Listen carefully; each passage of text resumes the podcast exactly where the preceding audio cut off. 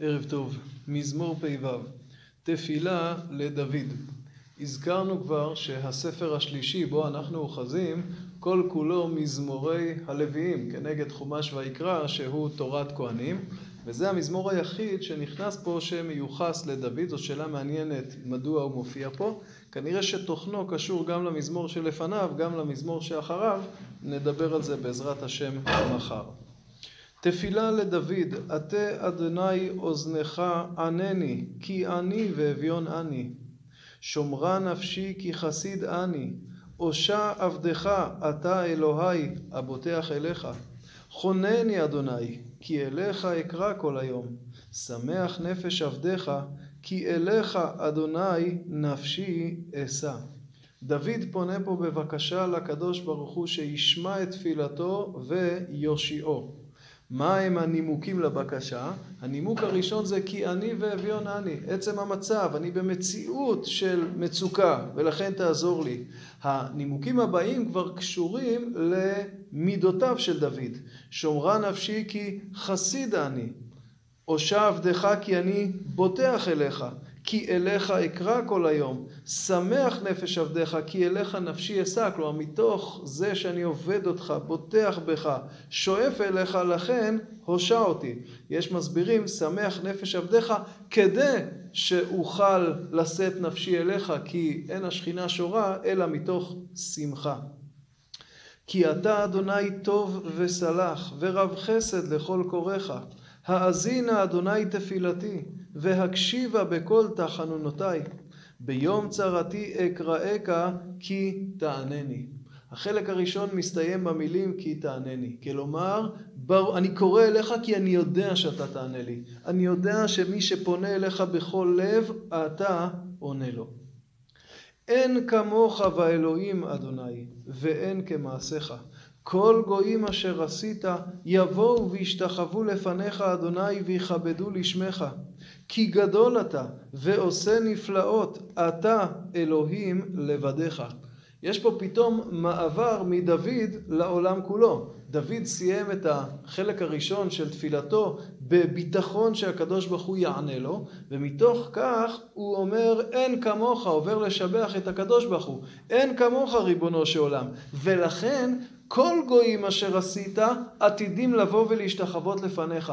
כרגע הם עוד לא מכירים בך, אבל לעתיד לבוא כל הגויים יבואו וישתחוו לפניך. מדוע? כי גדול אתה ועושה נפלאות, אתה אלוהים לבדיך. דוד, שימו לב איך הוא עבר מהמצוקה הפרטית שלו לעולם כולו, להופעת שם השם בעולם כולו. זה דוד. הסיפור הפרטי שלו הוא חלק מהסיפור הכללי. ישועתו של דוד היא גם ישועה לעולם כולו, כי דוד הוא לא אדם פרטי, הוא אדם כללי. חוזר דוד לתפילתו, הורני אדוני דרכך, אהלך בעמיתך, יחד לבבי ליראה שמך. עודך אדוני אלוהי בכל לבבי ואכבדה שמך לעולם כי חסדך גדול עלי והצלת נפשי משאול תחתיה. שימו לב לבקשה כאן אם קודם לכן הבקשה הייתה תושיע אותי פה דוד מבקש תעמיק את ידיעתי אותך.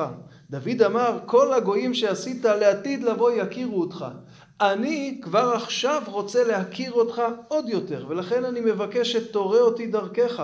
יחד לבבי לירא שמך, שכל לבבי יהיה כל כולו מיוחד ומופנה כלפי יראתך. ואז עודך בכל לבבי. ההודעה פה היא בתרתי. א', תושיע אותי מצרתי ואני אודה, אבל ב', אם כל כולי יהיה, אם אני תעזור לי גם להיות, להכיר אותך בכל ליבי, אז גם ההודעה תהיה מכל עומק הלב. וחוזר דוד לבקשת הישועה, אלוהים, זדים קמו עליי, ועדת עריצים ביקשו נפשי, ולא סמוכה לנגדם. ואתה אדוני אל רחום וחנון, ערך אפיים ורב חסד ואמת.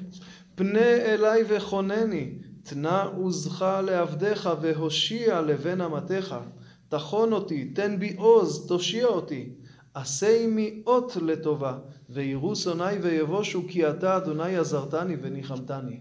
בחלק האחרון של המזמור חוזר דוד לבקש ישועה מאותם זדים, מאותם, עריצ... מאותם עריצים שמבקשים את נפשו. מי הם אותם זדים ואותם עריצים? הכתוב לא מגלה.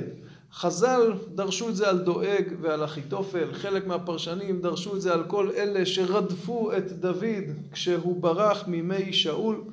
יכול להיות שכך, יכול להיות שכך, בכל מקרה דוד פה פונה למידת החסד והרחמים של ריבונו של עולם. מתוך מידות החסד והרחמים אני מבקש שתכון אותי, שתושיע אותי ועשה אות לטובה, שכולם יראו שהקדוש ברוך הוא איתי. המזמור הזה הוא מזמור תחינה, תחינה של דוד שנמצא באיזושהי מצוקה, אויביו מאיימים על נפשו ודוד מבקש להיוושע. אחד הדברים הבולטים במזמור הזה זה הקשר העמוק של דוד לקדוש ברוך הוא. המילה אתה חוזרת חמש פעמים במזמור. זה דיבור אל הקדוש ברוך הוא בנוכח, אתה דוד ממש מרגיש את הקרבה הזאת.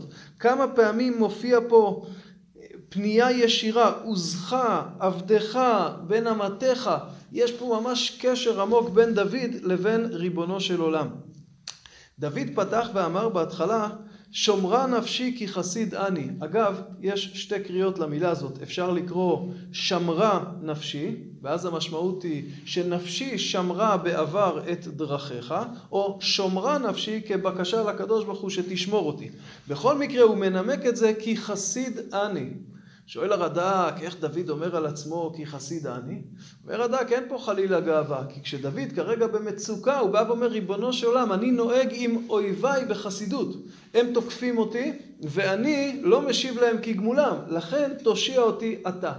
אבל האמת היא שכל מי שקורא את המשך המזמור רואה שדוד יכול להגיד כי חסיד אני מתוך ענווה גדולה שכן בסוף המזמור הוא אומר תנה עוזך לעבדיך הושיע לבן אמתיך כל כולו בהתבטלות מלאה לריבונו של עולם. כלומר מצד אחד הוא מכיר את ערך עבודתו מצד שני זה לא מביא אותו לשבת רגל על רגל אלא להפך הוא מבקש מהקדוש ברוך הוא תן לי להעמיק עוד יותר שאני אכיר עוד יותר את דרכך ובכך עודך בכל לבבי. המזמור פותח ומסיים בבקשת ישועה, אבל התכלית היא במרכזו, הכרת השם. הכרת השם של דוד והכרת השם של העולם כולו. לשם הכל חותר. בקשת הישועה של דוד, מעבר למידותיו של הקדוש ברוך הוא כרחום וחנון, מעבר לנימוקים שהוא מביא בתחילה, כולם מכוונות למקום הזה. שכל העולם כולו בסוף יכיר בשמו של הקדוש ברוך הוא. זה מתחיל דרך דוד, עם ישראל, ומגיע אל העולם כולו.